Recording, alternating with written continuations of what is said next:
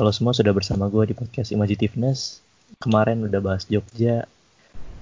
Gak tahu kayaknya masih butuh runaway karena masih karantin. Jadi hari ini gue bakal bahas Solo. Sudah bersama teman gue, teman baik yang udah gila udah berapa tahun gak ketemu. Tapi kita masih kontakan dan kabar terakhir dari dia alhamdulillah beliau dalam kondisi yang baik-baik saja. Ntar bakal kita tanya lagi begitu dia diperkenalkan dia adalah teman baik gue sekaligus pemilik dari akun at keliling solo keliling underscore solo yang mana nge-review makanan-makanan dan kuliner karena Solo tuh emang penuh dengan kuliner dan makanan. Jadi welcome to the podcast Mas Bayu Jati. Halo halo. Uh, sekedar ini nih apa namanya kayak uh, revisi dikit. Pemiliknya boleh, bukan boleh. bukan aku sih istriku Hmm. Cuman ya kita kerja bareng gitu aja. Ah, yuk. Mau bahas dari itu, mana ini? Iya. Uh, suara, suara, suara aku mantul, mas. Mantul, mas. Mantul kenceng mantul lagi. Kenceng lagi. Mau diulang. Bentar, bentar. Ini dari mana ya mantulnya ya? Diulang dari awal aja, mumpung belum jauh. Tes. Oh, enggak, sekarang udah nggak mantul lagi nih. aneh dah. Nggak apa-apa dilanjut aja. Uh, oke okay. mau mulai dari mana? Itu akunnya udah berapa lama sih mas? Dari akunnya dulu dong battlegroundnya nih. Oke. Okay. gimana gimana? Halo? Iya itu uh, akunnya udah berapa lama dibikinnya? Udah berapa postingan? Waduh kalau berapa postingannya nggak tahu ya mungkin bisa dicek sendiri sih kayak di keliling Solo unders keliling underscore Solo berapa postingannya. Cuman kalau dari tahun berapanya kurang lebih sih tahun 2018 kurang lebihnya.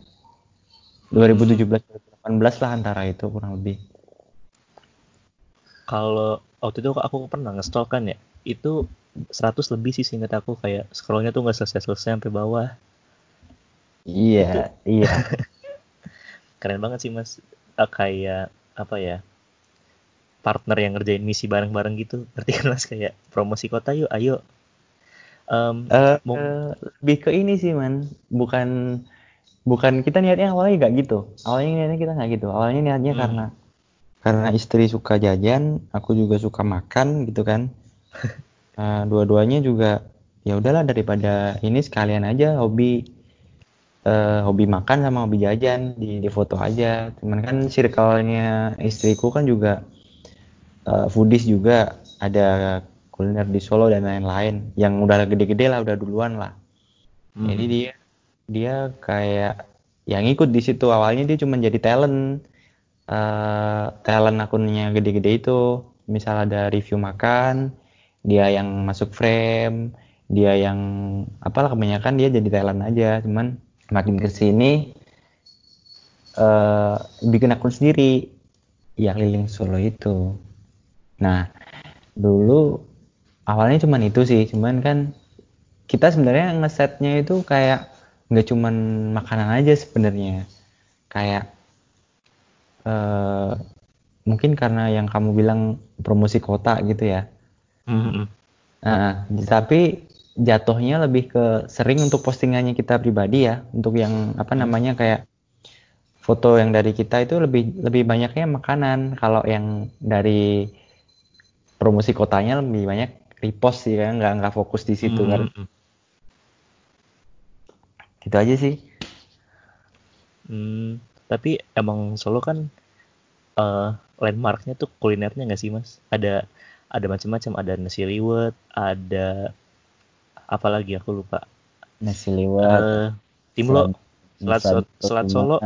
Iya selat solo timlo ada lagi nih yang orang nggak tahu. Apa tuh mas? Biasanya dia dia ada ada di nasi liwetan juga. Jadi orang orang jual nasi liwet biasanya ya kebanyakan rata-rata ada ada ini juga. Ini kamu bisa temuin cuma di Solo. Apa tuh? Uh, namanya cabuk rambak itu bentukannya gimana tuh rasanya sih kayak gimana bentukannya kayak ini apa eh ketupat diiris-iris. Ketupat diiris-iris, pakainya sambal sambal wijen. Nah, Sambal nanti kita wijen. iya. Nanti kita makannya sama karak. Kamu tahu karak? Kalau di sini bilangnya karak. Jadi Karak tuh apa tuh? kayak kerupuk tapi yang dari nasi itu loh, yang Oh, gepeng-gepeng. iya iya aku tahu tahu. Nah, Jadi kalau mirip rengginang nggak? Ya. Iya, mirip rengginang, cuman kan eh, tekstur butir-butiran nasinya udah nggak kelihatan. Mhm. Jadi kayak ketupat kering yang di yang di apa kalau di sini dikasihnya dikasih namanya cetitet. Jadi biar biar renyah gitu loh. Mhm. Makanya pakai itu. Itu cuman ada di Solo di daerah daerah sekitar Solo itu nggak ada kayak di Karanganyar, di ini itu kan emang asli Solo juga. Hmm. Ba- Bahkan- baru tahun berapa itu mas? Apanya? Ada makanannya? Waduh, kalau tahun berapanya nggak tahu itu makanan tradisional sih. Hmm. Jadi ba- kebanyakan orang Solo pun nggak semuanya tahu apa itu cabuk rambak. Hmm, gitu. Iya, iya walaupun rata-rata emang udah udah pada tahu kan karena ya apa sih mau mau dicari di Solo selain makan gitu loh. Cuman ada sih ada beberapa yang cabuk rambak apaan sih gitu. Hmm. Wah keren banget ya, sampai bahkan yang di luar Solo aja dikasih duluan sama orang Solonya. Eh, mas, ini tadi dulu, ntar ini bakal aku cut, tapi sebelum eh, kita lebih jauh, kalau di kemarin, kalau di setiap podcast aku, aku sering banget dan aku lupa banget ngasih tahu narasumbernya. Kalau misalnya penjelasannya udah selesai tuh kadang kasih kayak keyword aja gitu mas, kayak gitu atau udah kayak gitu. Maksudnya kayak biar nggak bentrok tabrakan suara gitu loh. Oke oke oke oke. Eh, takutnya aku dikira motong atau kitanya bentrok apa gimana gitu. Oke oke oke ngerti. Kayak aku lanjut ya mas. Yoi. Terus si cabuk ramba ini dia jatuhnya lauk atau cemilan mas? Lebih ke menu sarapan sih sama cemilan kalau malam. Temen kan kalau nasi lewat kan di Solo kan adanya kalau pagi sama malam. Hmm. Kalau nasi lewat kan itu kayak makanan berat. Hmm. Nah kalau makannya kita pagi kan jatuhnya kayak sarapan. Kalau makannya kita malam, jatuhnya lebih ke cemilan sih karena itu nggak gitu kenyang juga.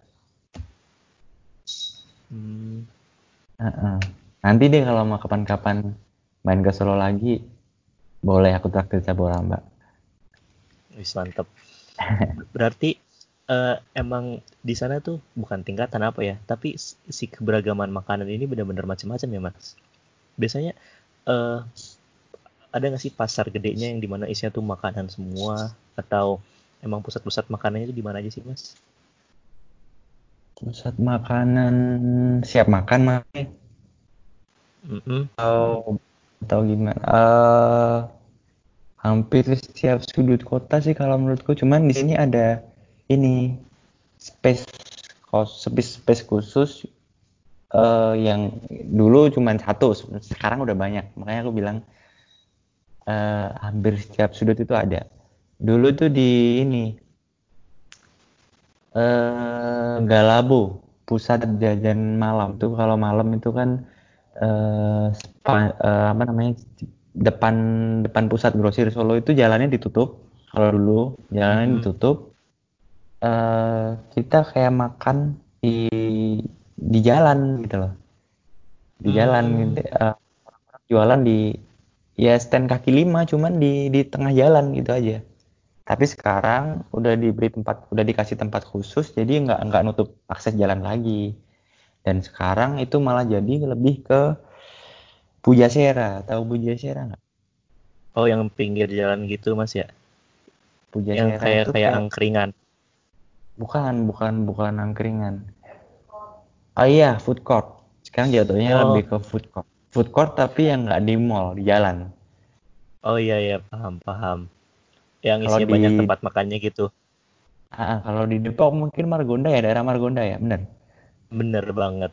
Kamar Gonda dong di Depok mas.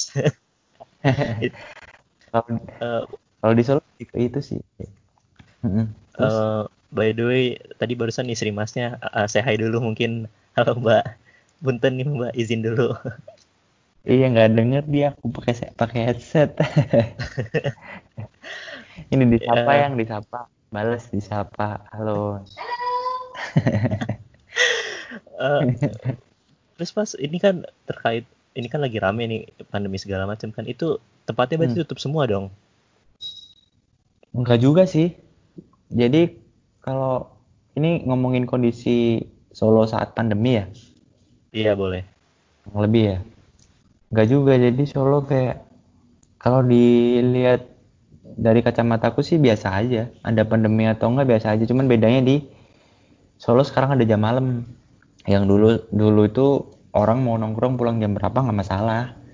Sekarang lebih ke apa ya? Orang mau nongkrong di angkringan atau di rama di mana pun kumpul-kumpul juga nggak masalah sih.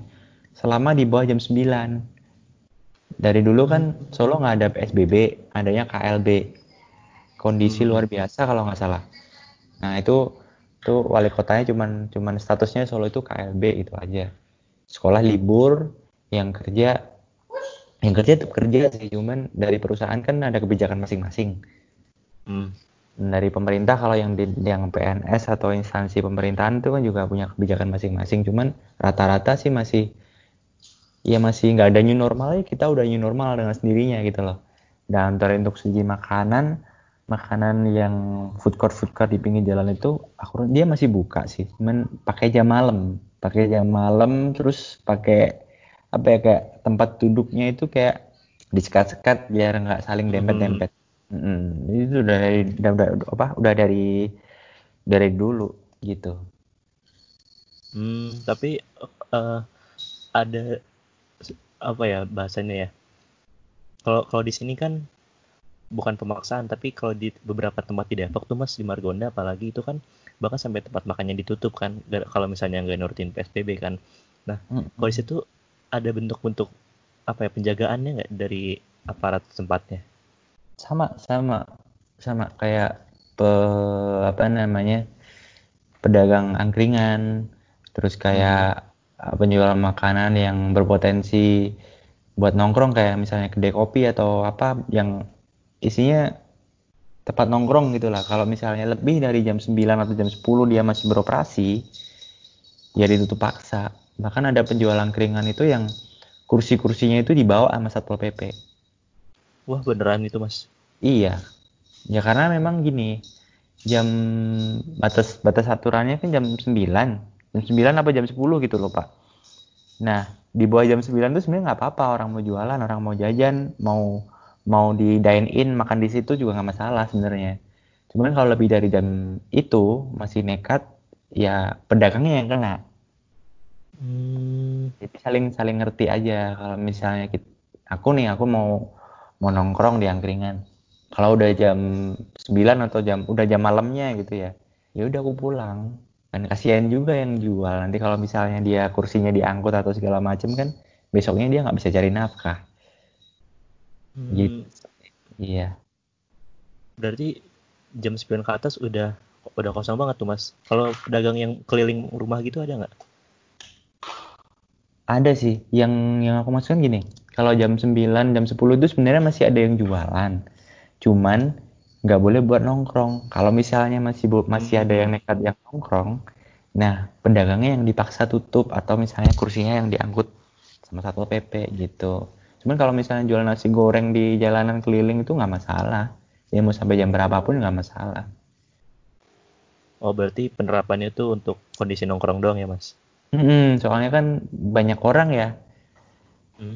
takutnya banyak banyak banyak orang apa namanya kalau orang nongkrong kan kalau di apalagi di angkringan cuman lesehan pakai tiker kita sebelah sebelahan Hmm, hmm, ngobrol gitu kan kita nggak nggak nggak nggak kayak mungkin lebih lebih enak kedai kopi mungkin kita dipisahkan meja gitu kalau di angkringan kan enggak gitu kayak buat apa ya buat memutus tali persebaran kalau orang bilang hmm, hmm.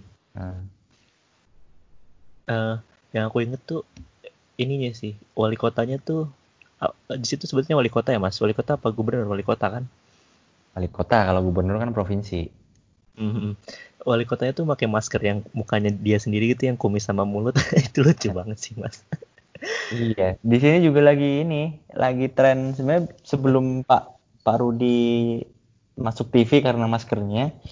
Di sini tuh udah udah tren orang-orang sini tuh pakai masker yang gambar muka gitu loh, gambar ada yang muka senyum, ada yang muka uh, diem terus pakai kumis kayak punya Pak Rudi, ada yang muka konyol gitu loh. Banyak hmm. yang jual di pinggir jalan juga.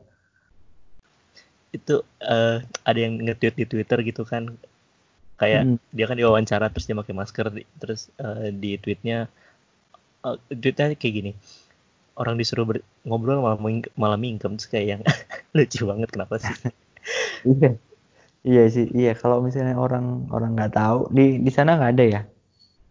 Di belum sini belum ya macam-macam mas jadi nggak ngetren kayak gitu tapi lucu banget itu di sini emang udah ini lagi ini lagi make masker yang bentuknya muka gitu loh. Jadi mulut-mulutnya aja hmm. sama kumis atau sama apa.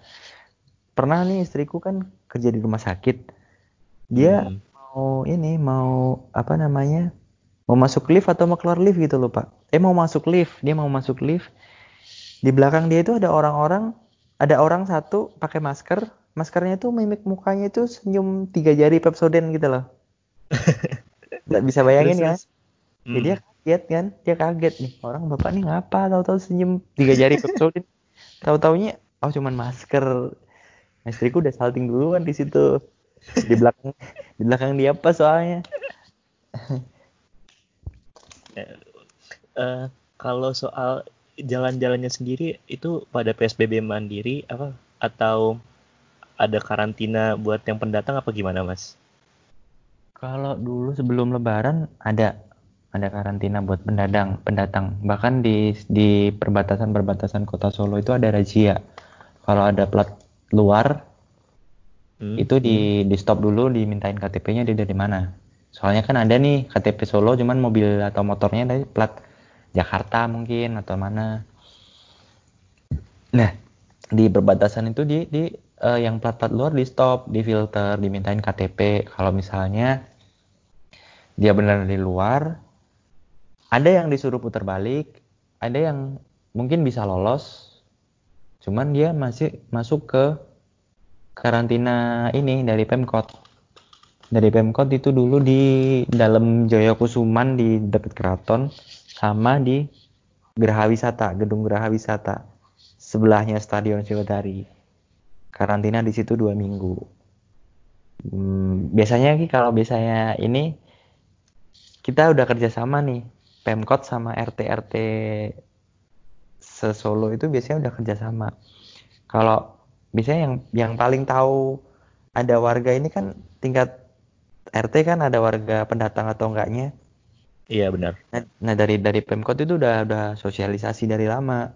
Jadi kalau misalnya Pak RT ini kalau misalnya ada pemudik di kampung jenengan kasih tahu saya atau mungkin ada beberapa penu, penu, apa pemudik yang sadar gitu loh dia datang dia langsung ke gerah wisata dengan dengan apa mandiri ke sana sendiri gitu loh hmm. ada yang ya, meskipun masih ada yang bandel harus dijemput paksa dan lain-lain.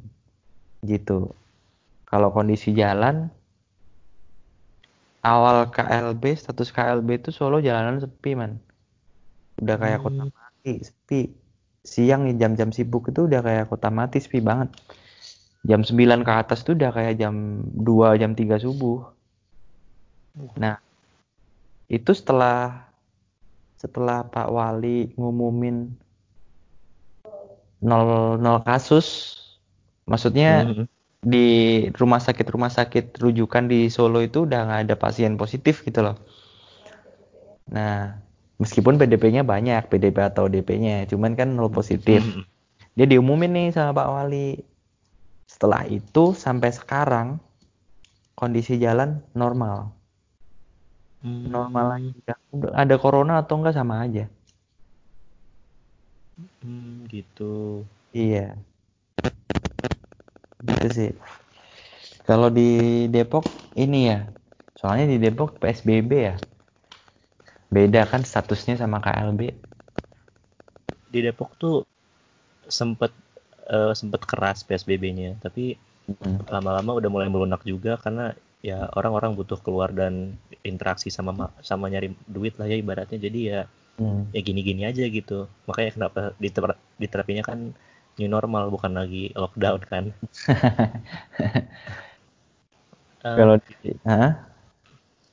Terus kalau gitu di sana kan keraton selalu ramai tuh mas sama entah yang hmm. wisata entah yang emang orangnya di keraton ya kan itu kondisinya gimana mas kondisi sekarang ya kalau kondisi sekarang untuk museumnya masih ditutup sih kayaknya untuk museum hmm. wisata museumnya di di Solo belum ada wisata buka setauku eh terakhir kemarin Taman Marga Satwa Taman Satwa Tarun Juruk itu udah buka cuman dia kayak bukanya itu kayak kalau orang jualan itu kayak pre-order gitu loh.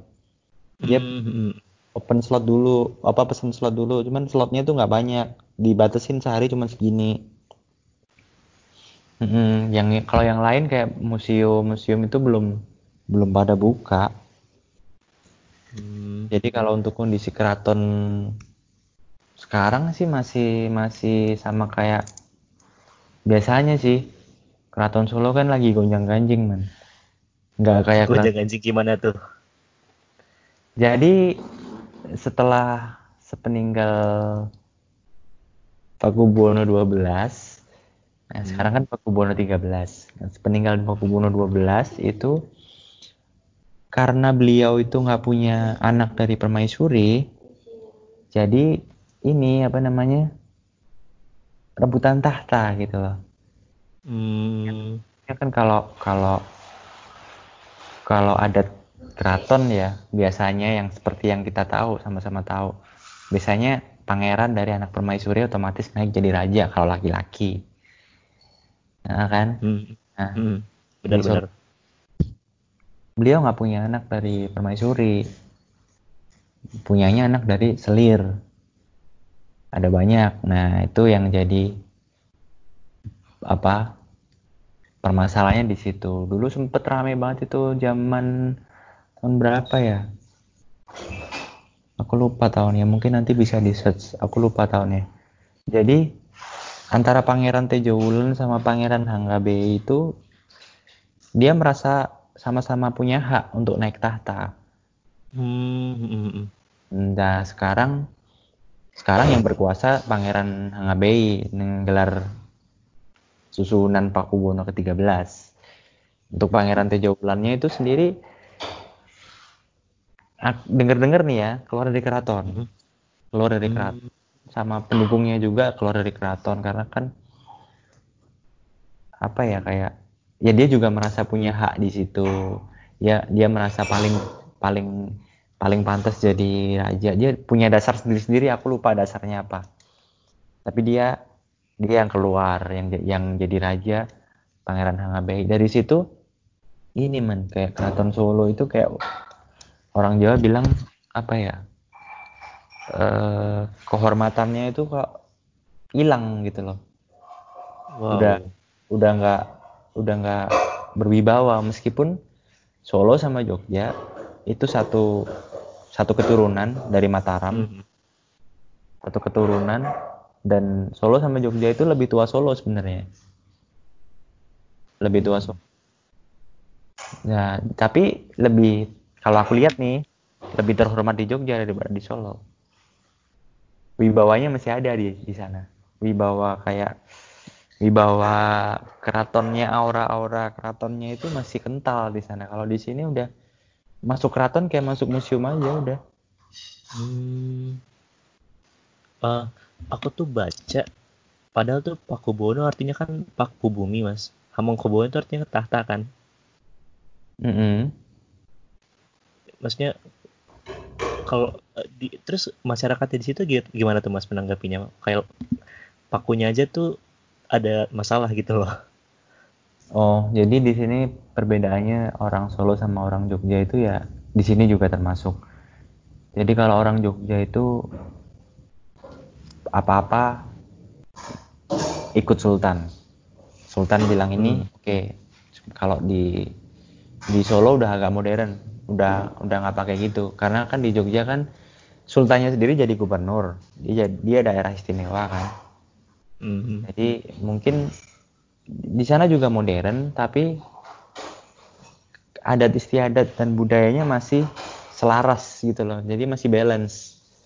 Kalau di sini ini kita udah modern nih udah ngikutin Jogja yang udah kota metropolitan udah ngikutin kota-kota yang lain.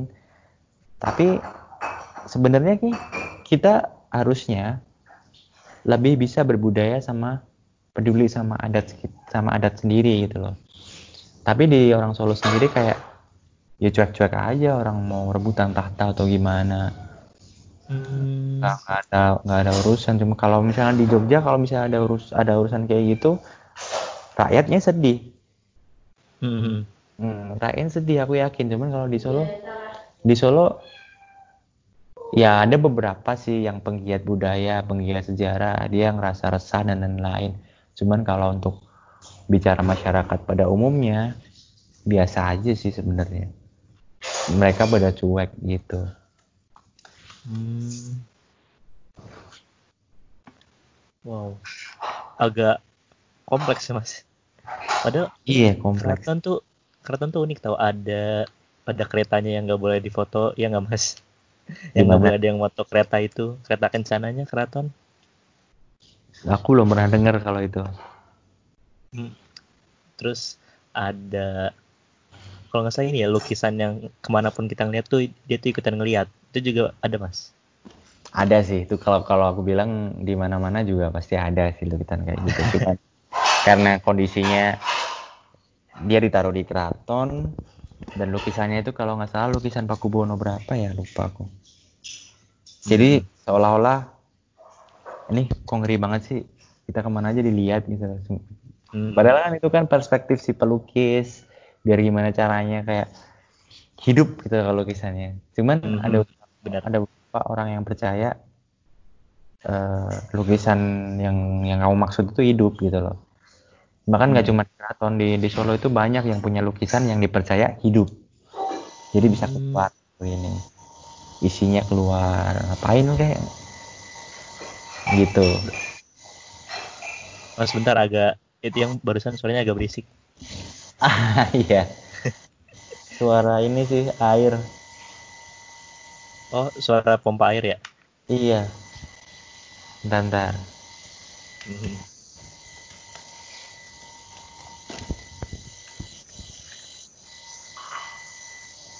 Bentar aku matiin dulu ya. Eh, tapi kalau ngisi air mah nggak apa-apa mas, maksudnya bisa ditunggu juga. Nggak apa-apa, nggak apa-apa nanti nanti nanti tinggal tinggal nyalain lagi. Hmm. hmm. Oh ya, udah hilang suaranya nih. ya, uh, makasih Mas nih. Aku lanjut lagi. Tadi yeah, udah yeah. keraton.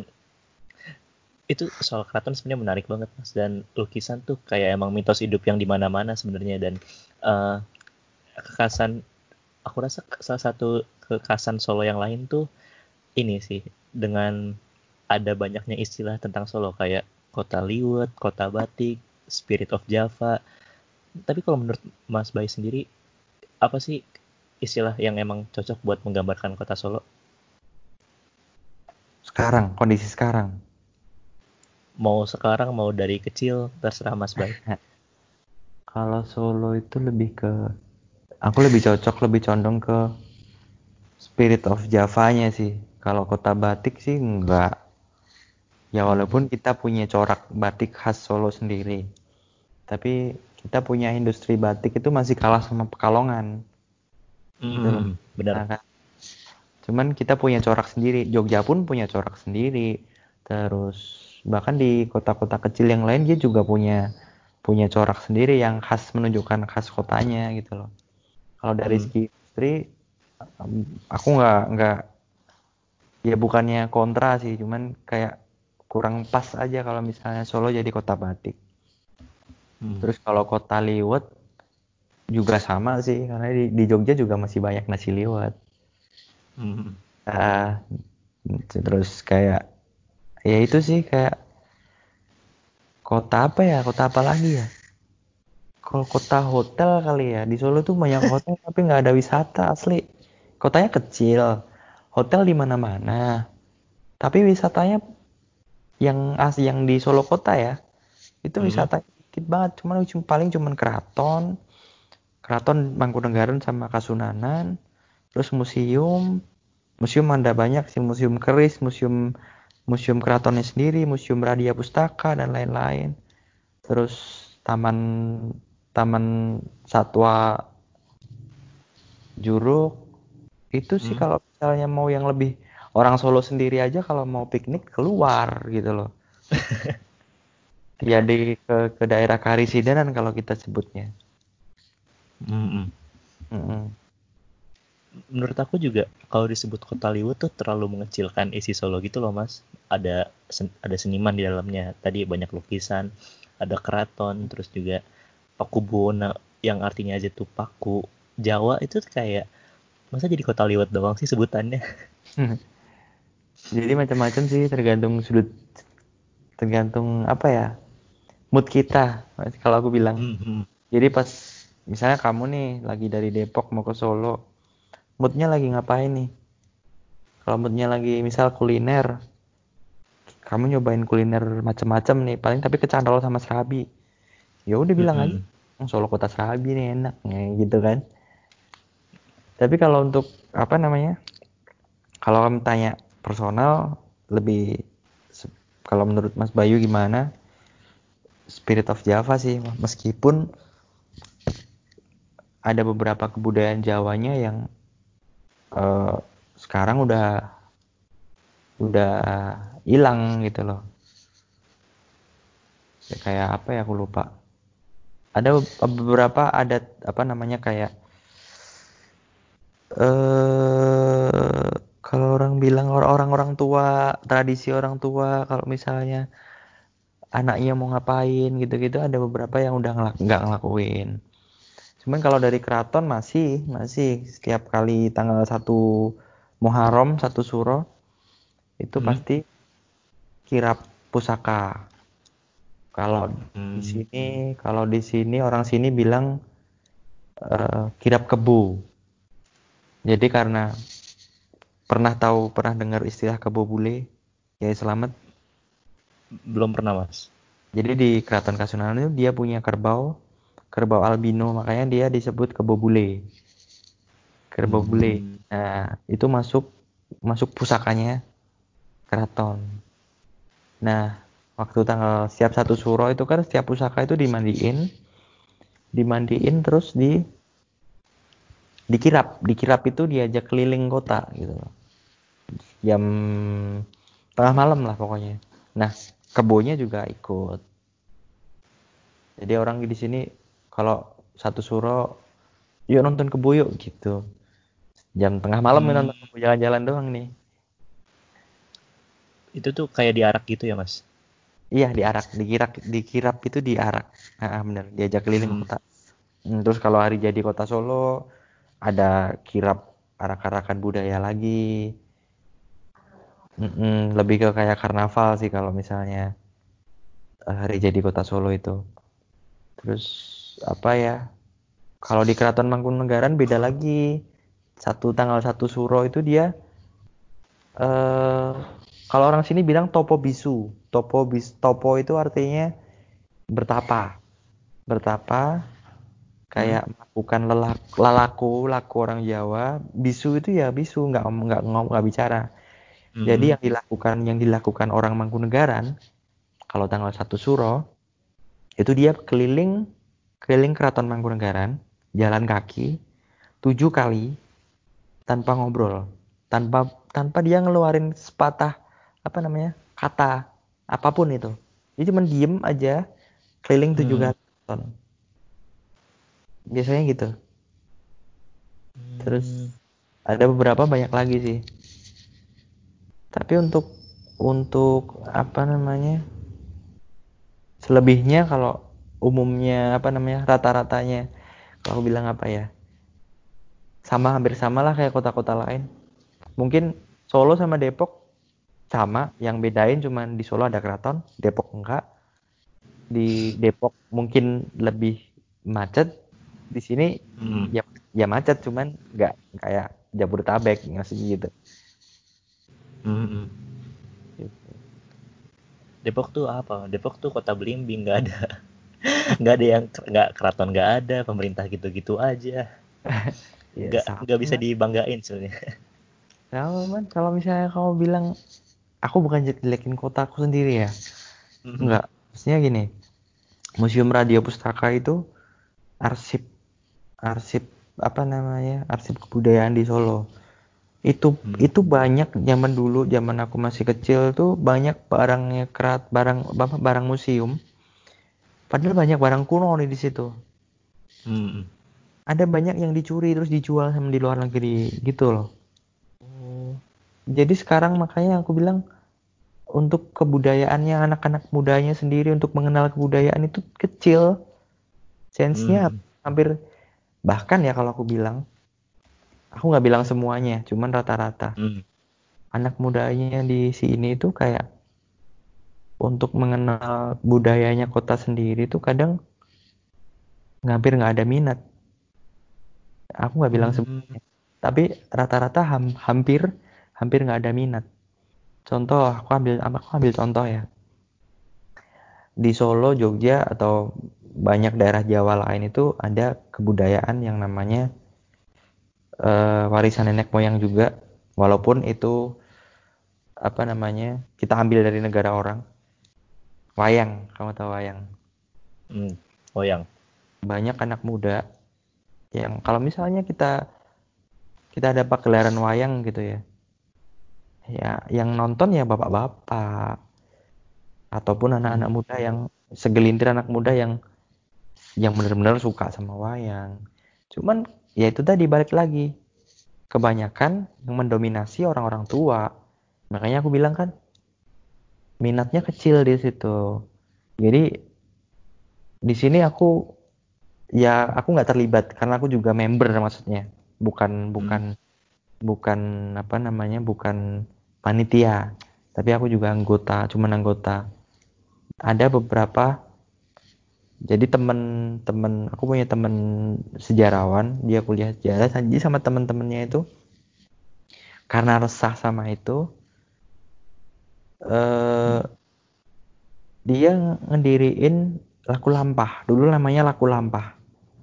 Organisasi sebuah organisasi yang khusus dibuat untuk mengenal sejarah dan budaya di kota Solo jadi agendanya itu kita tiap minggu, kita tiap minggu atau tiap pokoknya seminggu sekali lah kita jalan-jalan ke sebuah spot di mana nih misal misal di Keraton atau misal di Sriwedari atau misal di mana. Pokoknya kita setiap minggu satu spot, kita ubet-ubet di situ, kita keliling sambil kita kenal nih.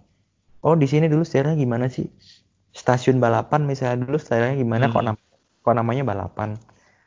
Dulu sejarahnya gimana?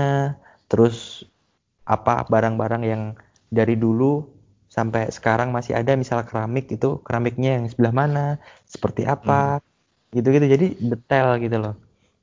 Nah laku lampah sendiri itu anak subnya itu ada banyak. Ada Solo Society ada Surakarta Walking Tour. Kalau Solo Society mungkin nggak tahu ya masih masih satu komunitas laku lampah atau enggak. Cuman yang yang pasti Surakarta Walking Tour itu masih satu komunitas sama laku lampah itu dulu sebelum ada corona setiap minggu setiap minggu. Entah itu hari pokoknya seminggu sekali lah. Entah itu hari minggu entah itu hari Sabtu sore mereka pasti jalan-jalan untuk mengenal Hmm, sejarah. gitu. iya dari jam dari jam 9 sampai jam 12-an kurang lebih antara jam-jam itulah. Jadi untuk untuk bayarnya pun karena mereka berangkat didorong sama keresahan jadi mereka pay as jadi datang mau bayar juga silahkan enggak juga nggak apa-apa. Gitu loh. Bayar pun juga untuk kebutuhan eh, fotokopi materi terus kayak misalnya izin untuk masuk-masuk kan ada deh beberapa daerah yang nggak boleh dimasukin tapi untuk izin Hmm. tertentu jadi kita ngasih apaan beliin apa gitu baru boleh masuk gitu Hmm. jadi kalau aku bilang apa ya kayak anak muda sekarang tuh kayak minatnya kecil untuk ke sana itu minatnya kecil makanya aku aku dulu sempet sempet sempet resah juga gini bukan resah sih lebih ke jengkel aja minatnya kecil untuk untuk melestarikan tapi ketika diklaim orang oh hmm. marahnya de paling depan gitu loh hmm. kayak warang wayang orang di Solo itu kan mereka juga cari nafkah kan kalau wayang orang kan hmm. kalau kalau dalang mungkin kalau di sini nggak laku dia bisa di mana cuman kalau wayang orang pemain-pemainnya kan dia juga dari dari kaum kaum menengah ke bawah yang hmm. Kerjanya cuman ya jadi jadi wayang gitu. Di gedung wayang orang itu padahal murah loh tiketnya man. Tiketnya itu kalau nggak salah nggak nyampe dua puluh ribu kok sekitar tujuh ribu apa tiga belas ribu gitu untuk masuk nonton wayang orang. Serius? Iya. Nggak nyampe wow. Nggak nyampe dua puluh ribu. Kamu bisa nonton kayak kayak nonton ketawa ketoprak nggak? Tahu tahu uh, pagelaran uh. nah kayak gitu. Cuman cerita wayang model-modelnya seperti itu. Nah ya aku beberapa pernah survei sih dari ke dari aku ambil sampel aja dari orang-orang. Aku pernah survei mereka kayak gitu karena nggak tahu bahasanya. Mm-hmm. karena kan karena kan pakai bahasanya nggak pakai bahasa Jawa pada umumnya sing aku kowe piye kabare dan lain-lain enggak cuman hmm. kan karena pakai pakai Jawa alus ada pakai bahasa Jawa Kawi yang Jawa-Jawa kuno gitu. Jadi mereka nggak tahu bahasanya. Nah di sini aku juga resahnya untuk orang tua orang tua zaman uh, zamannya mereka nih orang tuanya mereka nih kebanyakan kan ya, karena soalnya aku ambil umur sampelnya umurnya rata-rata sama gitu loh.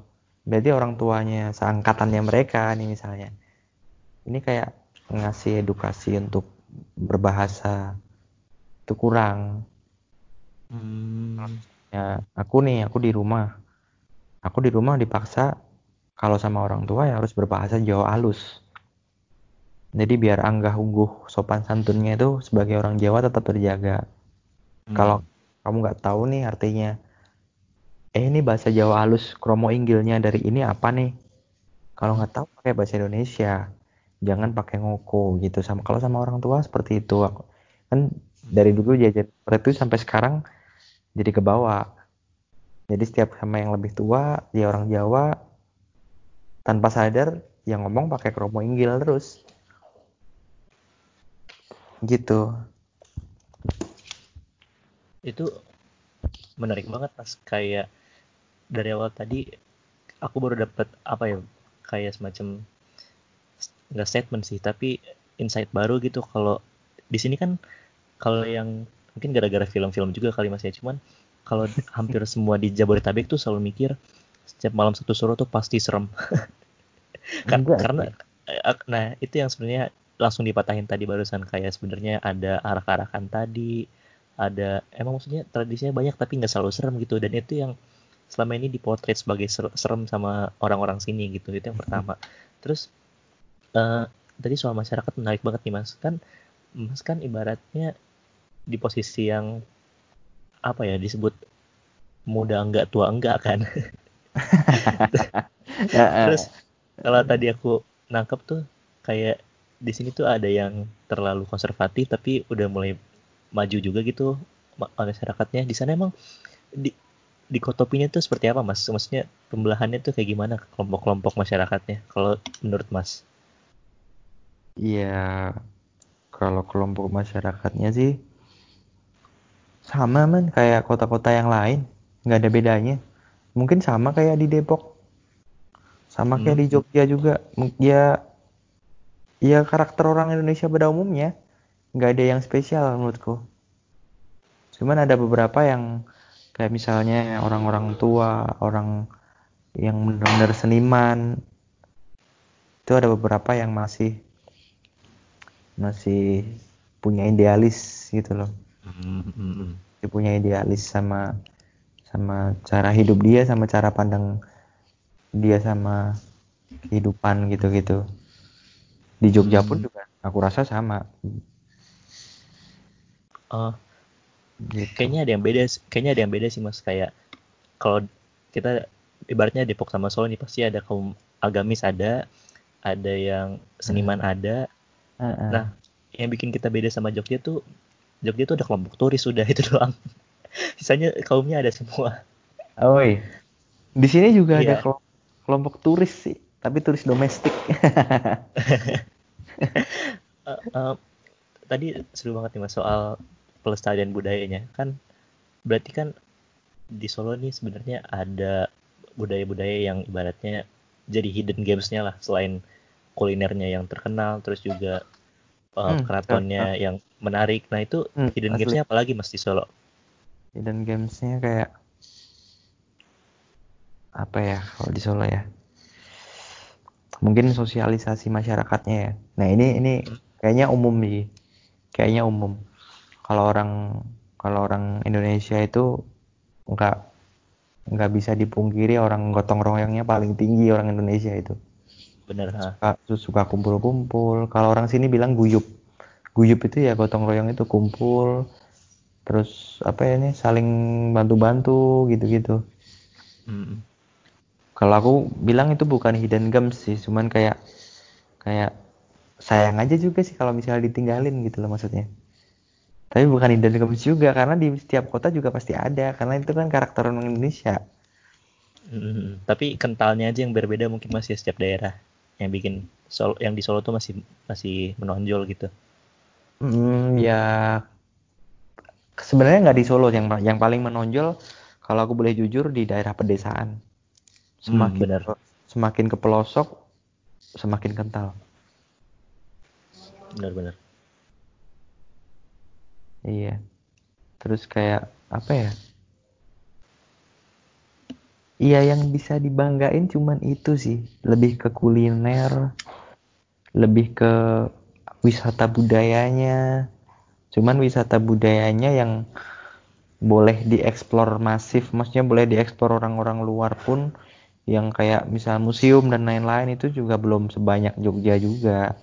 Tapi sebenarnya di sini ada banyak banget kalau mau. Bahkan misalnya kalau misalnya mau mereka nih yang tahu yang tahu komunitas komunitas-komunitas pelaku sejarah ini misalnya.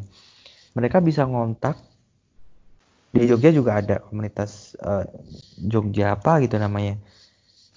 Bisa ngontak, dia bisa private tour dua Hmm. kali orang dia minta diajak jalan-jalan daerah mana nih oh daerah sini dia dijelasin semuanya daerah sini itu sejarahnya seperti apa dulu sampai sekarang progresnya sampai mana gitu-gitu Hmm.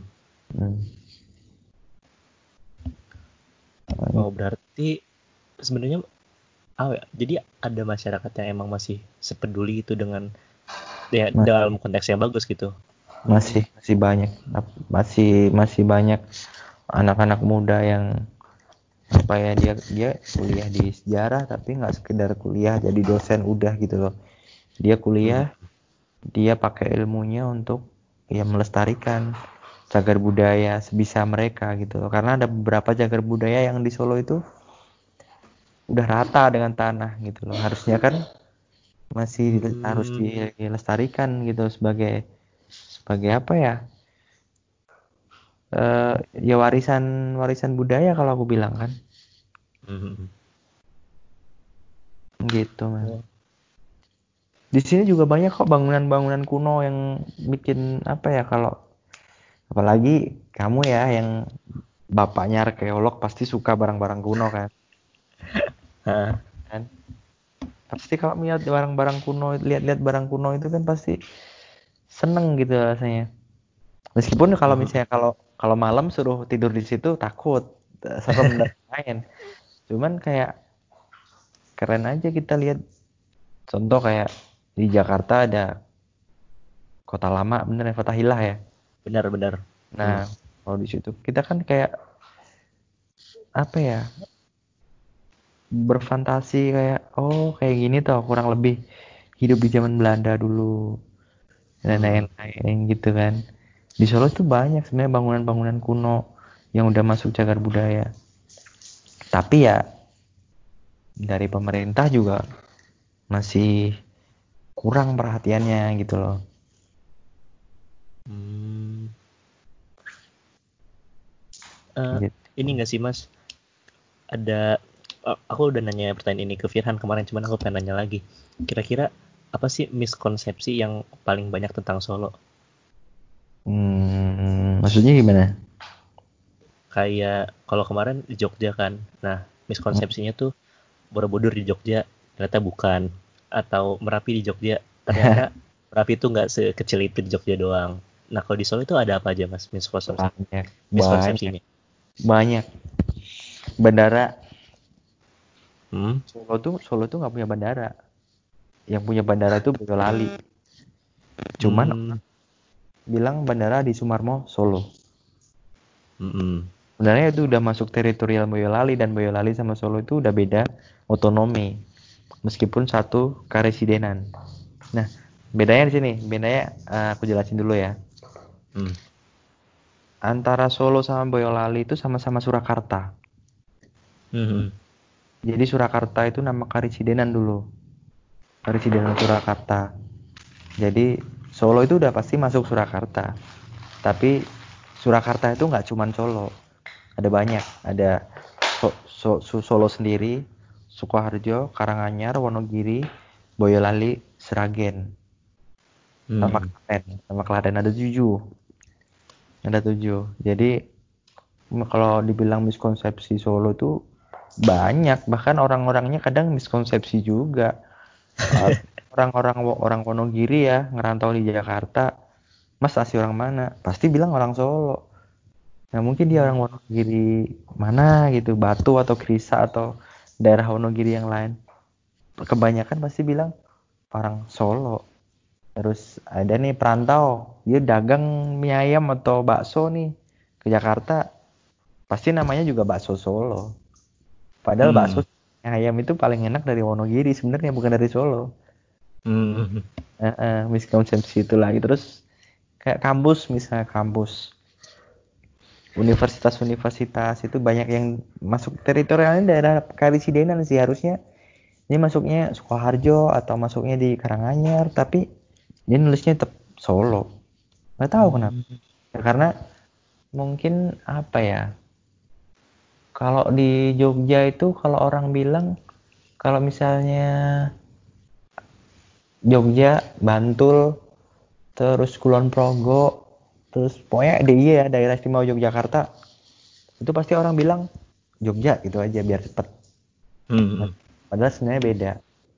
Nah kalau Solo antara Solo sama Surakarta itu perbedaannya persamaannya kayak Depok sama Jabodetabek. Jadi Uh, kalau Jabodetabek itu kan kalau Depok dan sekitarnya itu kan penyangga Jakarta ya sebutannya ya. Hmm. Hmm. Kalau di sekitarnya sini, sekitarnya Solo itu bukan penyangga. Ya memang dulu satu daerah.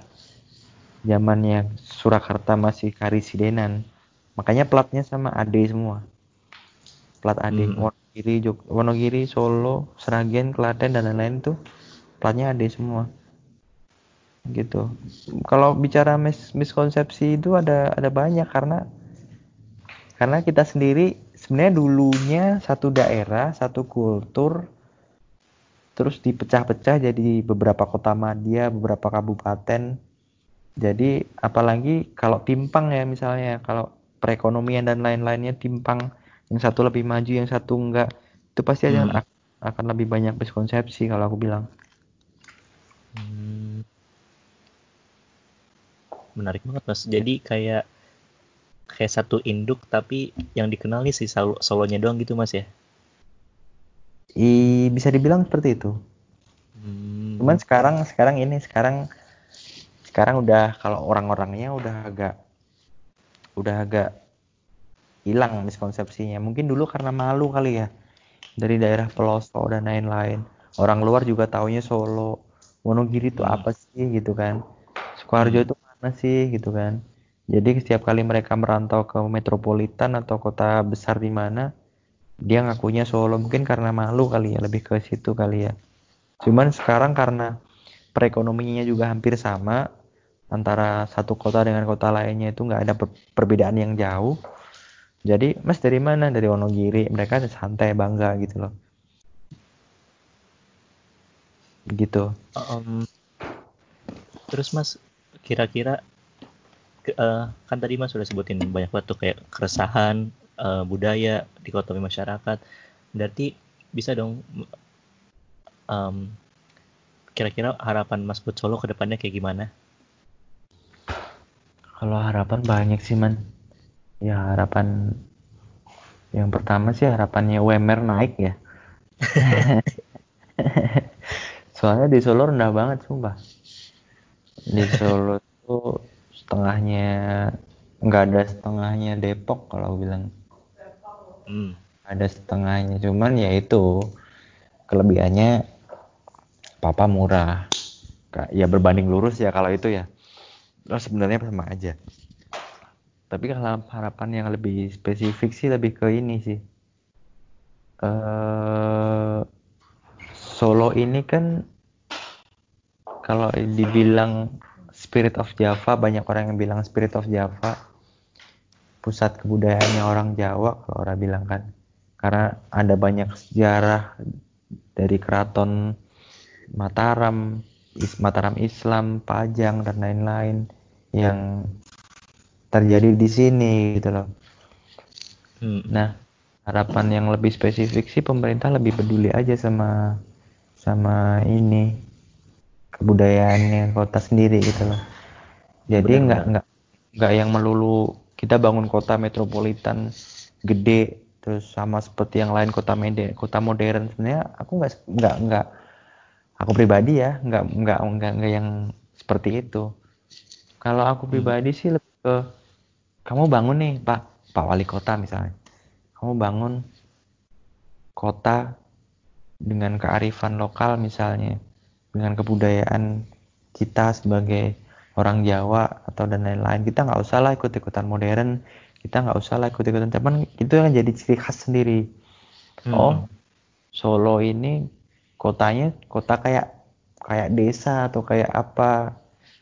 Hmm. dia tapi harus dibarengi sama orang-orangnya yang bisa ngimbangi sama orang-orang kota misalnya. Jadi nggak udik-udik banget lah. Tapi keraton di ini lagi apa namanya museumnya kan aku kalau aku bilang udah agak sepi sekarang terus Hmm.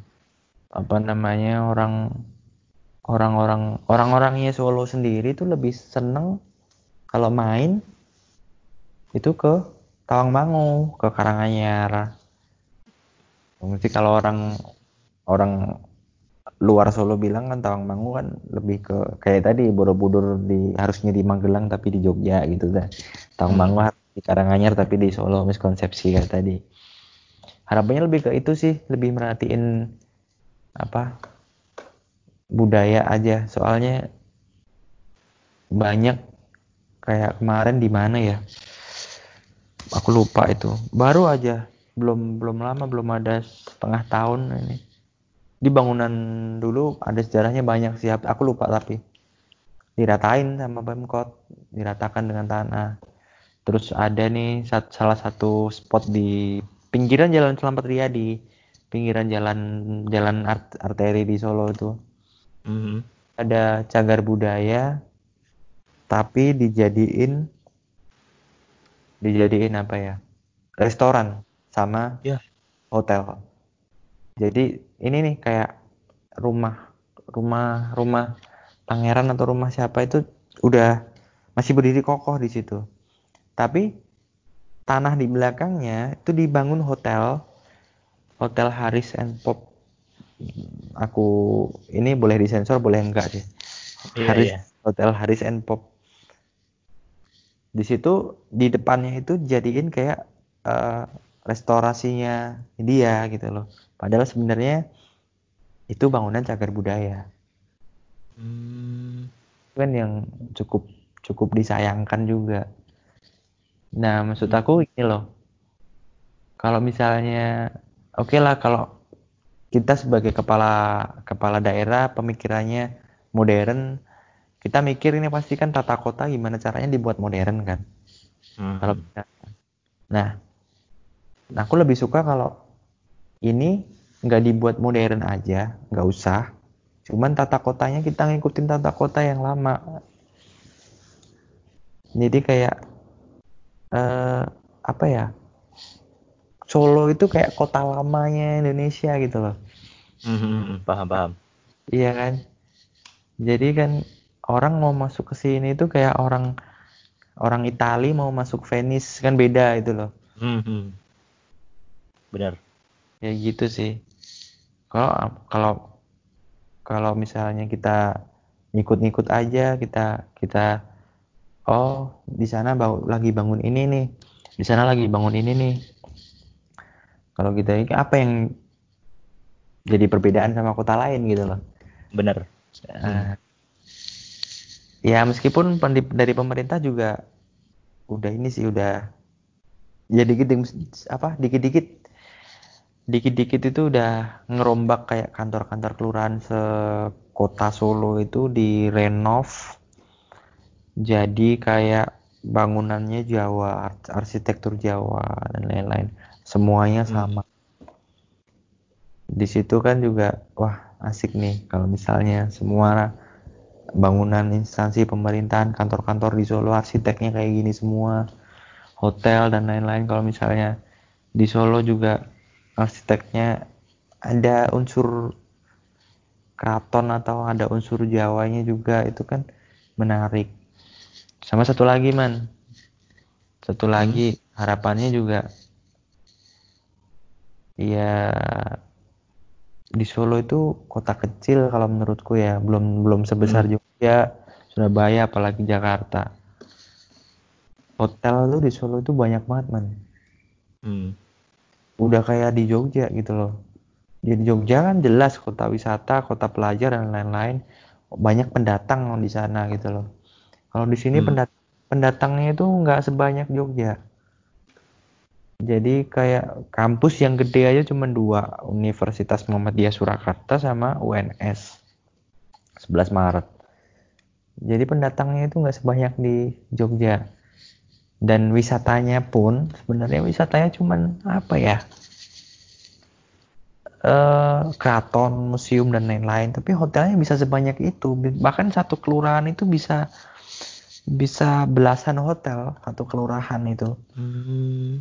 Entah dari hotel hotel menengah sampai hotel hotel apa hotel bintang 3 sampai bintang 5. Nah, aku aku di sini resahnya itu gini loh, Man. Solo itu kan Spirit of Java ya. Hmm. Tapi lebih pembangunannya itu lebih ke arah kota bisnis. Hmm. Soalnya aku lihat gini, banyak hotel ya, tapi wisatanya dikit. Nah, hotel apalagi kalau bukan bisnis gitu loh. Hmm, Bener-bener. Nah, nanti kalau punya punya pikiran lebih liar lagi atau ekstrim lagi, nanti jadi julukan lagi Solo kota simpenan selingkuhan pejabat gitu misalnya.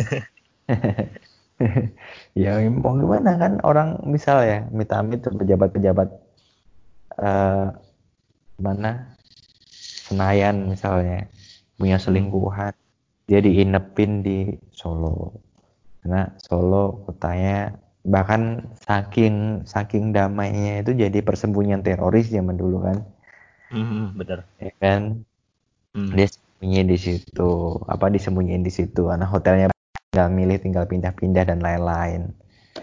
Tapi wisatanya dikit itu loh yang jadi pertanyaan itu kan itu.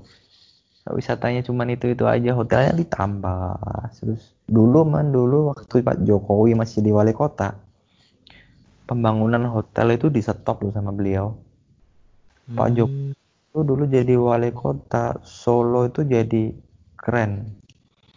Jadi kayak tertata gitu loh.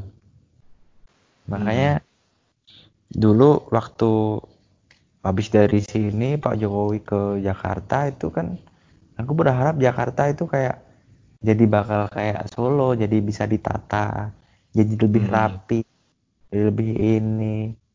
Tapi pada prakteknya kan mungkin ya ada hal dan yang lain mungkin ya. Terus dia Hmm. maju jadi presiden dan lain-lain. Cuman eh, aku, aku pribadi mengapresiasi waktu Solo dipegang Pak Jokowi itu hotel perizinan yang mau bikin hotel baru itu di stop nggak boleh Hmm. lagi dan lain-lain terus kota jadi lebih rapi jadi lebih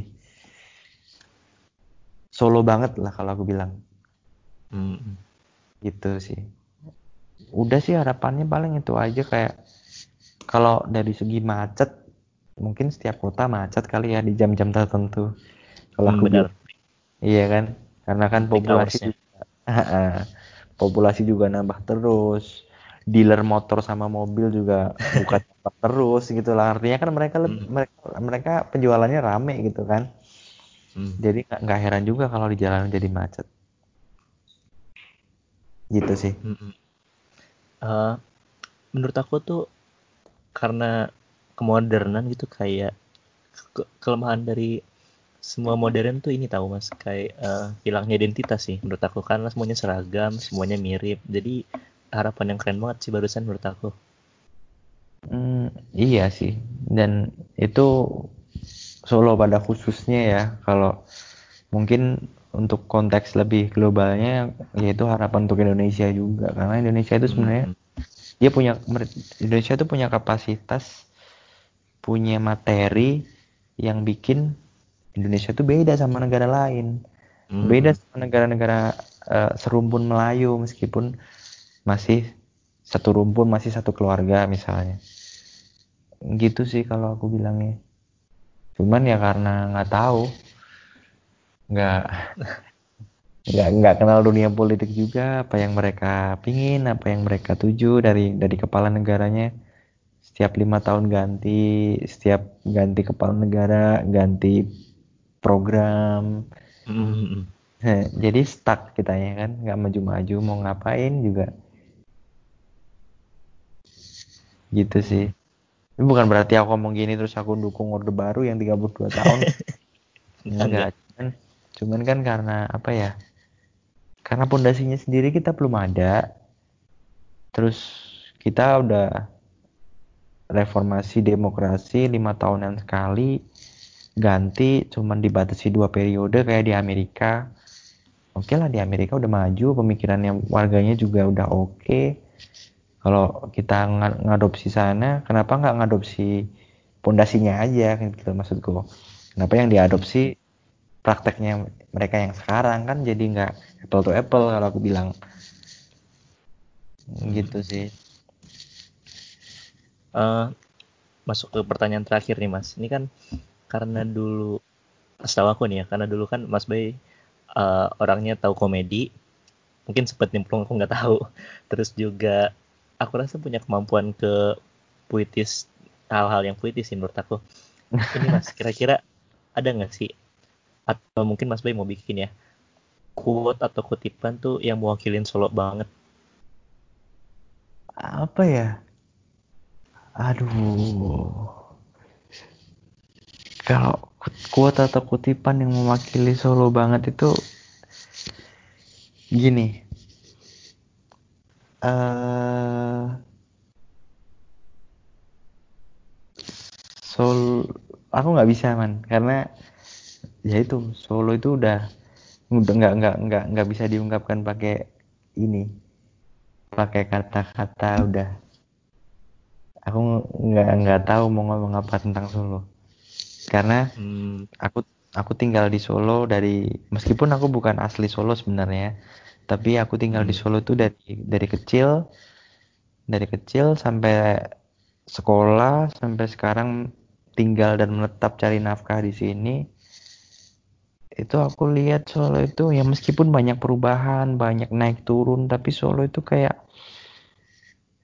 eh kalau aku bilang aku aku pernah gini aku pernah gini. Aku pernah di ditanyain nih sama temen. Kan aku juga pernah hidup di Jogja juga. Hmm. pernah ditanyain sama temen antara Solo sama Jogja ini di luar kamu hometownnya di Solo dan kamu pendatang di Jogja di luar itu. Tapi pribadi kamu kalau misalnya kamu antara suruh milih pilih mana? Tinggal di mana antara Jogja sama Solo? Aku pilih Solo man meskipun Jogja banyak pendatang banyak destinasi wisata kita mau ngapain juga lebih bervariasi daripada di sini. Tapi aku Hmm. lebih pilih aku lebih pilih Solo karena auranya udah beda man. Meskipun di Jogja itu kalau aku bilang orang keratonnya itu masih masih masih memegang teguh. Misalnya warganya juga masih masih kalau orang Jawa bilang sendiko dawuh ratunya bilang apa warganya ngelakuin gitu-gitu. Hmm. masih masih masih kental seperti itu. Solo udah nggak ada sebenarnya. Ratu bilang apa ya ya udahlah bodo amat mau ngapain?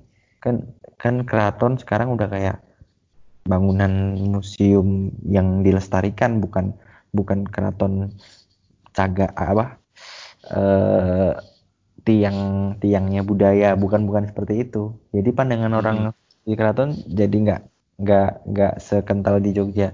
Meskipun seperti itu auranya di sini tuh beda sama Solo. Solo itu menurutku kalau ada satu kata yang bilang ya meskipun dulu jadi sarang teroris mungkin mungkin masih sekarang iya ya tapi nggak tahu sarang teroris dan lain-lain orang nyebutin apa. Tapi pandanganku sebagai orang Solo yang tinggal di sini Solo itu kalau diungkapin kata-kata ya aku cuman bilang satu sih. Solo itu ngangeni. Kalau aku bilang. Hmm. Solo, Solo itu ngangeni. Ngangeni itu apa ya ya diambil dari kata kangen rindu. Ngangeni itu kalau di, di kalau di bahasa Indonesia kan itu kayak apa ya yang dirindukan gitu loh. Hmm. Solo Solo itu lebih itu sih. Dan aku yakin orang yang pernah ke Solo siapa pun dia dia pasti pengen balik sini. Apa pun urusannya. Hmm. Gitu itu sih aku nggak tahu mau ngomong apa kalau misalnya Solo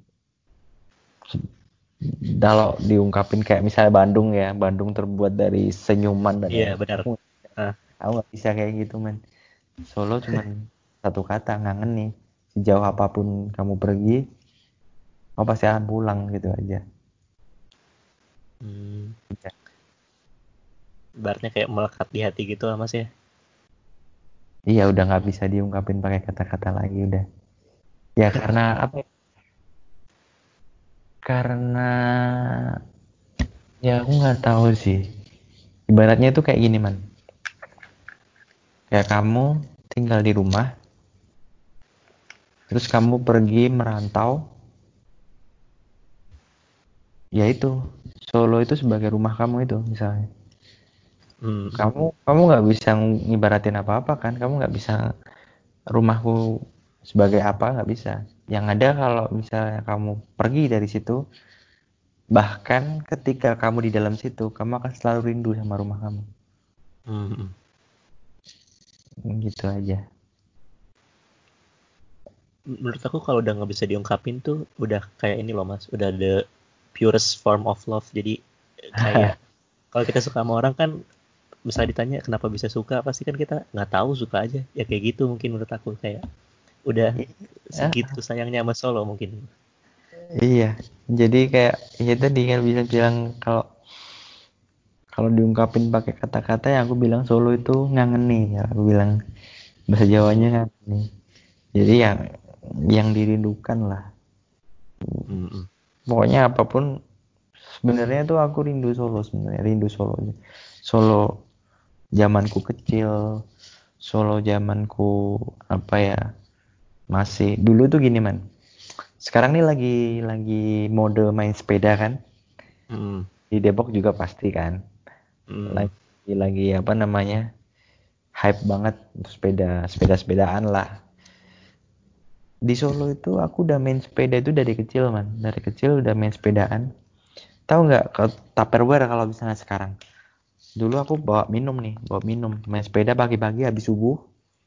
Habis Hmm. sholat subuh aku main sepeda bawa minum. Minumnya aku aku taruh di ini taruh di sepeda. Mm-mm.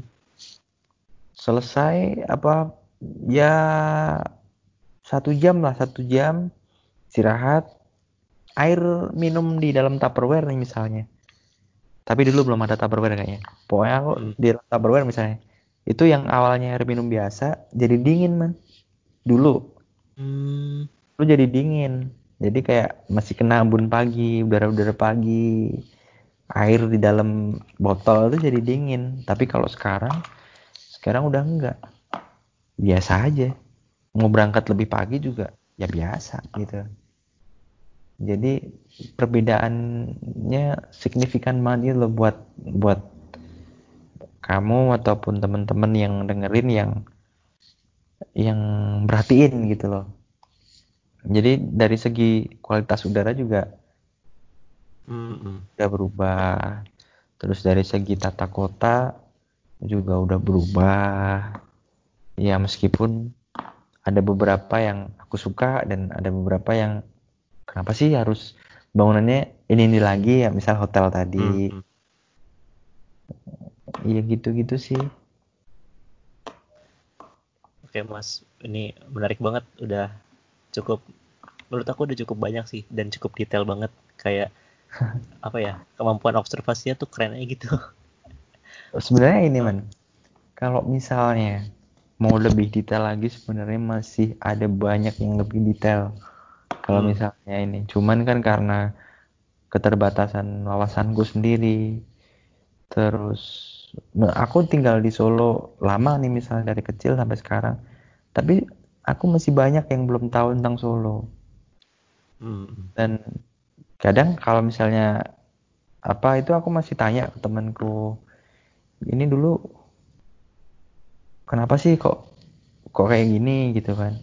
Karena dia kan dia kan lebih tahu gitu struktur apa bukan struktur apa kayak sejarahnya Solo itu dulu seperti apa. Hmm, aku baru tahu loh man dulu. Aku udah tahu lama cuman gini.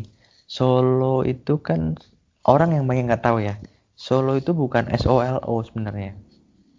Hmm, Solo itu lebih tepatnya apa pengucapannya itu bukan Solo, Solo yang benar.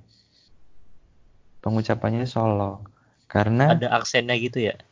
iya, jadi di Jawa itu gini, ada O yang dibaca O, ada yang dibaca O. Hmm, Bukan O sih sebenarnya, A, lebih ke A. Nanti penulisannya ke A. Ke A. Jadi ada A yang dibaca A, ada A yang dibaca O. O Hmm. kayak kayak O tapi bukan O, tapi tulisannya A. Nah, Solo itu tulisannya salah sebenarnya. Yang benar. Hmm. Sesuai ini apa namanya? Kalau kita flashback ke sejarahnya ya. Itu Hmm, tulisannya yang benar salah. Salah bacanya Solo. Orang-orang zaman dulu, orang-orang tua zaman dulu itu pasti eh bilangnya nyebutnya Bude mau ke mana? Mbah mau ke mana? Mau ke Solo gitu. Nggak ada yang Solo gitu. Solo itu kan karena karena aksen modern dan lain-lain jadi makin ke sini jadi ya Solo gitu aja S O L O. Tapi, tapi sebenarnya kalau kita balik ke sejarahnya bukan Solo tapi Solo. Dulu itu Solo itu cuman cuman desa kecil. Keraton juga belum ada. Keraton itu dulu Keraton Mataram itu dulu ibu kotanya masih di Kartasura, Kartosuro. Di Kartasuro itu eh, itu setelah dipleret ya, setelah dipleret kota gede Jogja, dia pindah ke ke mana, ke mana, ke mana, terus ke Kartosuro ini, ibu kotanya. Terus dari Kartosuro ini karena ada geger pecinan dulu namanya, jadi pemberontakan Sunan Kuding dari Semarang, dia pindah nih hijrah. Rajanya sama masyarakatnya pindah hijrah. Sampai sekarang benteng keraton zaman dulu yang di Kartasura masih ada sampai sekarang. Hmm. nah pindah dulu itu ada empat empat pilihan empat pilihan dari dari penasihat penasihat raja itu ada empat pilihan. Satu desa Solo. Yang kedua itu kalau nggak salah Sono Sewu. Yang ketiga empat itu aku lupa. Tapi pilihannya gini kenapa kok pilihannya ke jatuh ke desa Solo? Karena pilihan yang pertama itu jelek misalnya jelek. Dari Hmm. segi feng shui atau dan lain-lain itu jelek.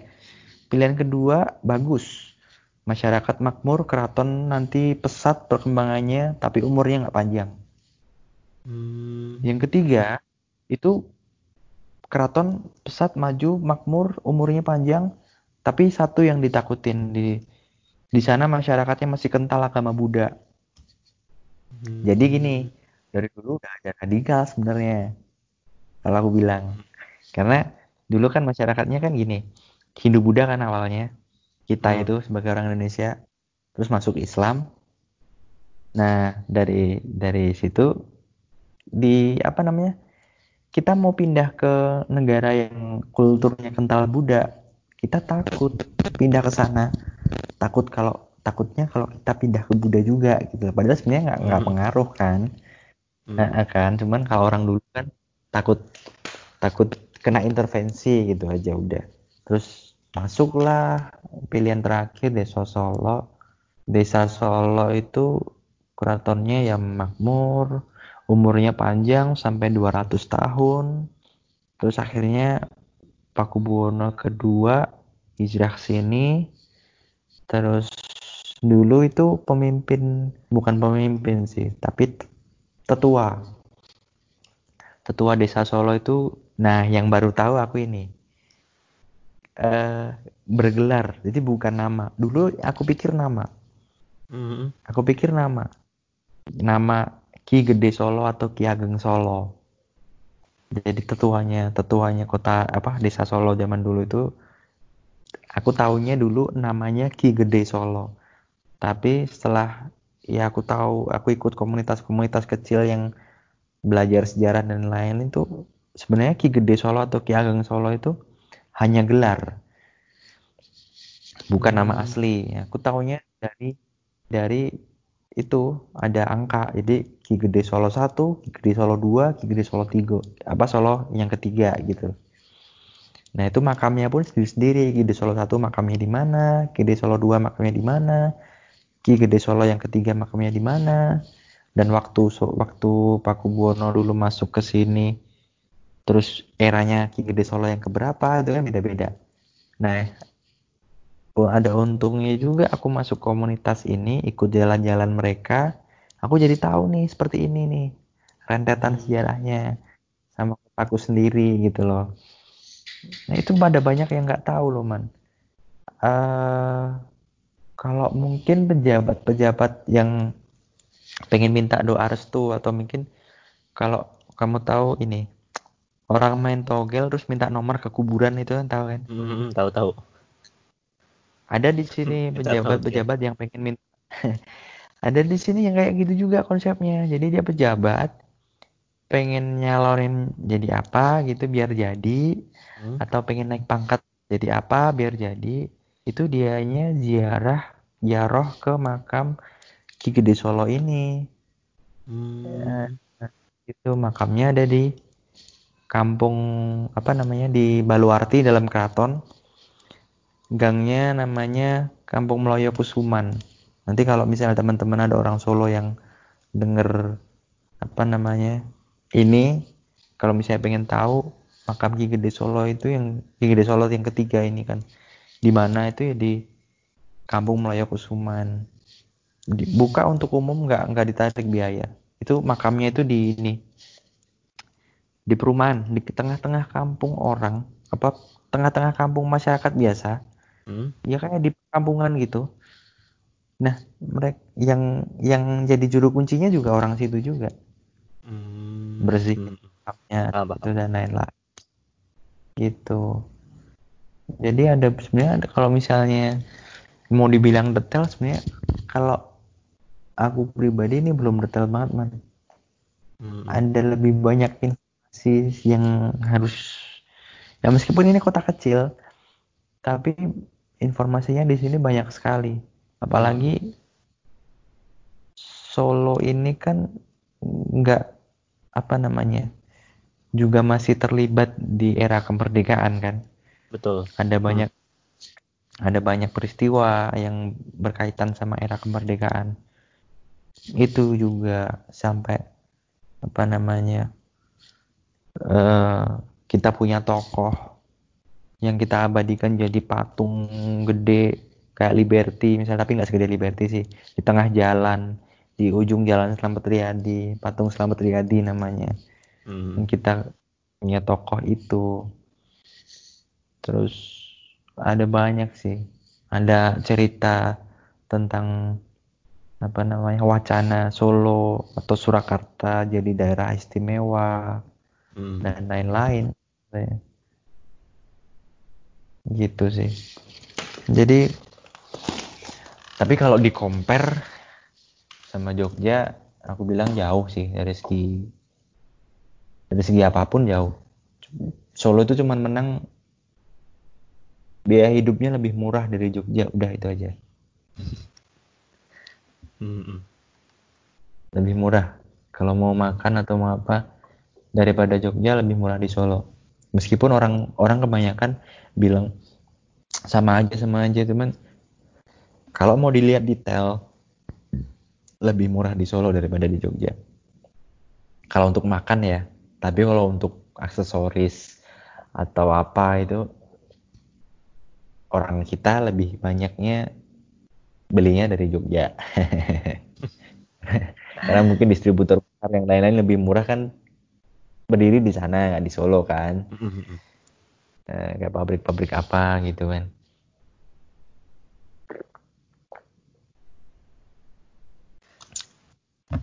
Oke mas, dia tuh menarik mm -hmm. banget sih barusan, apalagi yang barusan banget tuh yang soal sejarahnya. Aku, aku rasa sebenarnya itu udah hidden hidden gamesnya di Solo. Mm -hmm. Nanti deh ini, kalau misalnya ada kesempatan main ke Solo, terus ada kesempatan ya pasti kan yang pasti pandemi udah selesai ya. Mm-hmm. mudah-mudahan. Nanti kalau misalnya ada kesempatan main ke sini aku ajak ketemu sama temenku misalnya mau gali sejarahnya di Solo seperti apa. Mm-hmm. kita jalan-jalan udah kita jalan-jalan kita sambil tahu. Ini misalnya sepele aja kecil-kecil. Solo itu terkenal sama stasiun balapan misalnya mm. dulu stasiun balapan caranya gimana? Dulu stasiun balapan itu cuman arena pacuan kuda. Pacuan kuda milik keraton Mangkunegaran. Kenapa bisa jadi stasiun? Nah itu kan yang jadi pertanyaan. Hmm. iya kan? Nah, cuma padahal dulu cuman area pacuan kuda itu. Makanya dinamain balapan balapan itu kan dalam bahasa Jawa. Kalau di dalam bahasa Indonesia artinya itu ya balap gitu loh balapan. Makanya soalnya di situ area pacuan kuda gitu. Sih aku ambil contoh kecil-kecil gitu aja. Tapi sebenarnya masih banyak. Kalau di dalam dalam apa? Balai kota. Hmm? kantornya balai kota. Di dalam balai kota itu ada bunker. Hmm. itu kan gak ini sendiri apa namanya? Ya kalau bilang hidden games ya bisa. Cuman kayak lebih ke ini sih. Lebih ke apa namanya kita tahu informasi baru gitu loh. Mm-hmm, dan orang kan kadang kan gini orang kan orang-orang anak muda nih misal terutama. Mereka cukup tahu sejarah dari sekolah. Mm-hmm. mereka tuh cukup tahu sejarah dari pelajaran IPS misalnya. Oh sejarahnya ini ini ini. Mereka udah merasa cukup gitu loh. Karena mereka nggak tahu informasi-informasi yang baru seperti apa. Hmm. kalau misalnya mereka tahu pasti aku yakin nih nggak ada orang yang nggak tertarik sama sejarah itu nggak ada. Pasti tertarik. Benar. ini sejarah kota ini tuh mana? Cuman karena mereka nggak tahu. Dan mereka nggak tahu ke mana harus cari tahu gitu kan. Jadi hmm. komunitas kayak Solo Society, Surakarta Walking Tour, terus laku lampah dan lain-lain. Itu kan sebenarnya mereka udah selesai sama diri mereka masing-masing. Jadi mereka nggak ada nggak ada tuntutan atau apa. Mereka tuh udah selesai sama diri mereka masing-masing. Cuman karena mereka resah mereka istilahnya kayak mereka kan orang sejarah ya penggiat sejarah bisa dibilang sejarawan muda dan lain-lain. Hmm.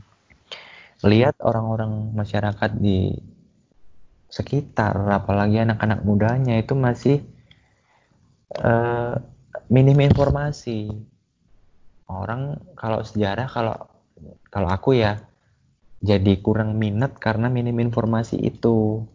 Hmm. jadi makanya kita kasih informasi lewat IG terus kadang lewat Facebook atau lewat apa ya mungkin dari satu dua orang terus besok tiga empat orang besok enam delapan orang dari situ kan bisa jadi spora ya informasinya jadi spora nyebar ke mana-mana hmm.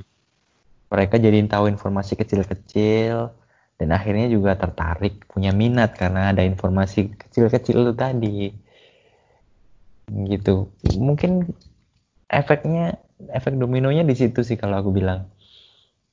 Kenapa kok anak-anak muda zaman sekarang lebih sedikit minat sama sejarah? Mungkin ada kaitannya juga karena ya karena minim informasi juga gitu loh. Orang taunya kan sejarah dari buku, dari dari apa namanya pelajaran.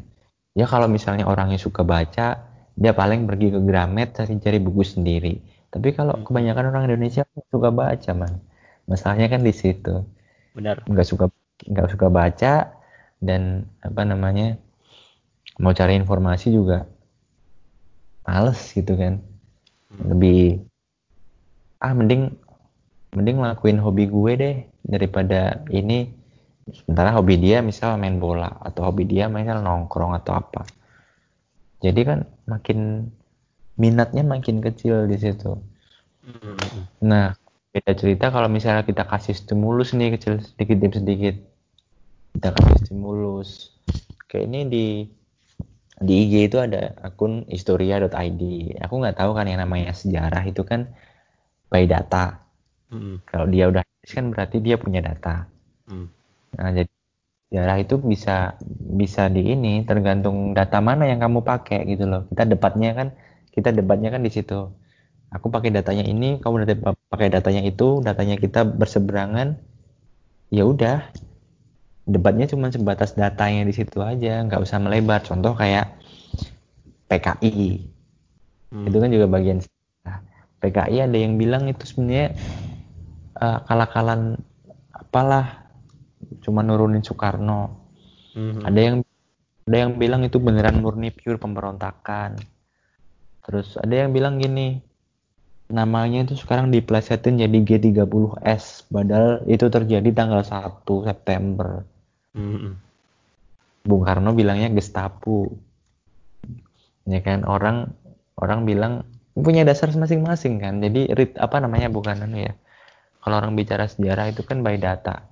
Jadi data mana nih yang kamu pakai kan gitu doang sebenarnya. Mm-hmm. Mm-mm. Oke, Mas udah cukup menarik banget, menarik terlalu menarik bahkan kayak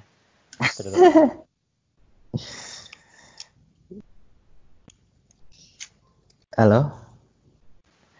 Ya, Mas gila menarik banget barusan cerita-cerita yang yang keren-keren banget dan apa ya ibaratnya ya ngebuka horizon baru pengetahuan pendengar sih aku harap. uh, aku mau eh. masuk ke closing. Jadi thank you banyak Mas Bay, thank you juga Mbaknya. Makasih udah nyempatin waktunya udah datang ke sini. Ya, sama-sama. Makasih juga udah diundang. Padahal aku nggak tahu apa-apa loh. Ini nih, ada cerita dikit. Hah? Ah, kan aku bilang sama istriku kan, yang aku habis ini mau ngajak keluar nggak? Aku bilang gitu. Enggak, kenapa? Ada teman mau telepon ada susah apa telepon? Kenapa harus bilang aku gitu kan? Enggak ini kan pas teleponnya itu lama gitu kan? Hmm. ada acara apa kok lama? Ini dia bilang apa? Aku bilang dia itu punya podcast. Jadi aku diundang sebagai istilahnya narasumber. Dia mau bicarain tentang Solo dan lain-lain. Terus dia bilang gini lah kenapa kamu terus emang kamu tahu apa tentang Solo? Kan gitu dia.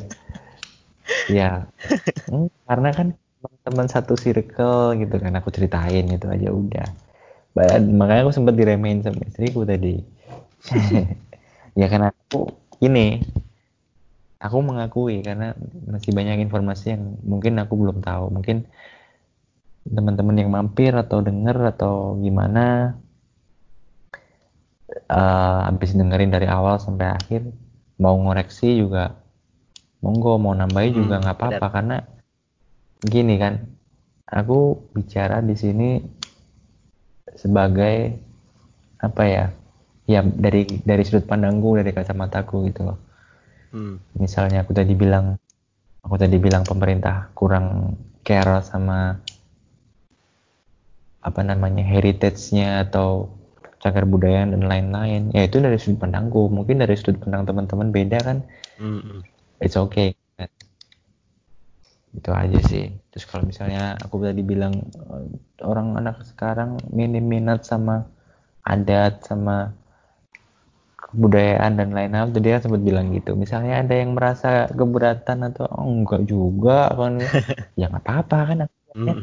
aku lihatnya kan ini aku ambil sampel beberapa dari dari teman-temannya kan punya ada yang seumuran sama kamu man. Mm-hmm. jadi dia baru mas mau masuk kuliah tahun ini. Jadi teman-temannya dia itu kayak bukan minim lagi kalau aku bilang. Hampir nggak ada minat ke sana. Mm. jadi ngapain sih gitu kan yuk nonton wayang yuk. Ah males ah kayak orang tua gitu. Mm. kayak orang tua nonton wayang gitu loh. Jadi jadi apa? Kayak kayak orang orang nguri-uri kalau orang Jawa nguri-uri nguri-nguri itu kayak melestarikan budaya itu kayak pekerjaannya orang tua gitu loh. Mm-hmm. Ah, ah ngapain sih kayak orang tua gitu. Ah ngapain sih daripada mainin kendang sama gamelan mending kita main-mainan aja gitu loh. Mm. Kan di situ. Ya alhamdulillah sih aku punya adik satu-satunya ya juga minta doanya juga dia mau masuk kuliah tahun ini dan dia ambil jurusan sejarah. Amin. Nah, gitu.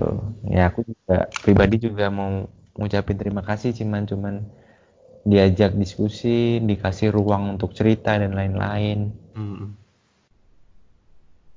Terima kasih juga untuk waktunya. Mungkin lain kesempatan kalau misalnya mau mampir lagi ke Solo juga bisa mungkin tambah satu lagi yang bisa bikin apa ya biar biar nggak cuma satu sudut pandang aja gitu loh maksudku. Mm-hmm. ya kan? Benar-benar. Jadi ada sudut ada sudut pandang lain yang yang yang ngomong. Jadi jadi yang dengerin itu jadi uh, lebih kebuka maksudnya. Hmm. gitu aja sih. Mm Oke, okay, uh, eh, berarti ntar mungkin kalau ada episode 2 mungkin kita bakal atur lagi mas. Jadi buat para pendengar juga terima kasih udah dengar sampai sini. See you on next episode. Yuk.